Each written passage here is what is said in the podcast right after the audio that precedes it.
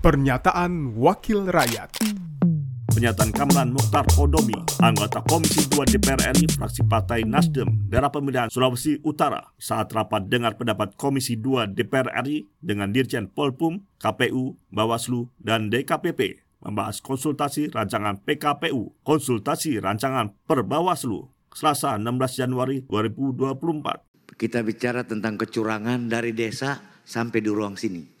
Saya juga heran karena saya baru pertama kali ikut rapat komisi. Yang buat undang-undang sama pelaksana undang-undang. Dan memang ini kecurangan ini cerita kita di Indonesia. Semuanya bicara tentang kecurangan. Nah yang menjadi pertanyaan saya, kalau benar Bawaslu ujung tombak untuk meluruskan pemilu, kenapa di TPS Bawaslu cuma satu? Sementara KPPS-nya tujuh. Ini kan anomali. Kita ingin pemilu itu bersih, jujur, tapi pengawasnya ujung tombaknya satu orang. Bayangkan dalam satu hari. Jam 8 kita masuk TPS, jam 12 istirahat, jam 1 masuk lagi sampai subuh menghitung. Bagaimana tugas satu orang di TPS? Kan itu sesuatu yang rasionalitasnya nggak ada sebenarnya. Ini jujur saya dapat dari Bawaslu Provinsi Sulawesi Utara. Ini keluhan.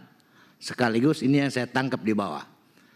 Tentu saya tidak ingin membuat soal baru supaya kemudian menambah lagi. Tetapi ini problem dalam rangka perbaikan atau pertanyaannya bagaimana Bawaslu mentaktisi agar ini tetap seperti ini tapi pengawasannya optimal. Pernyataan Kamran Mukhtar Podomi, anggota Komisi 2 DPR RI fraksi Partai Nasdem, daerah pemilihan Sulawesi Utara, produksi TV dan radio parlemen, Biro Pemberitaan Parlemen, Sekjen DPR RI.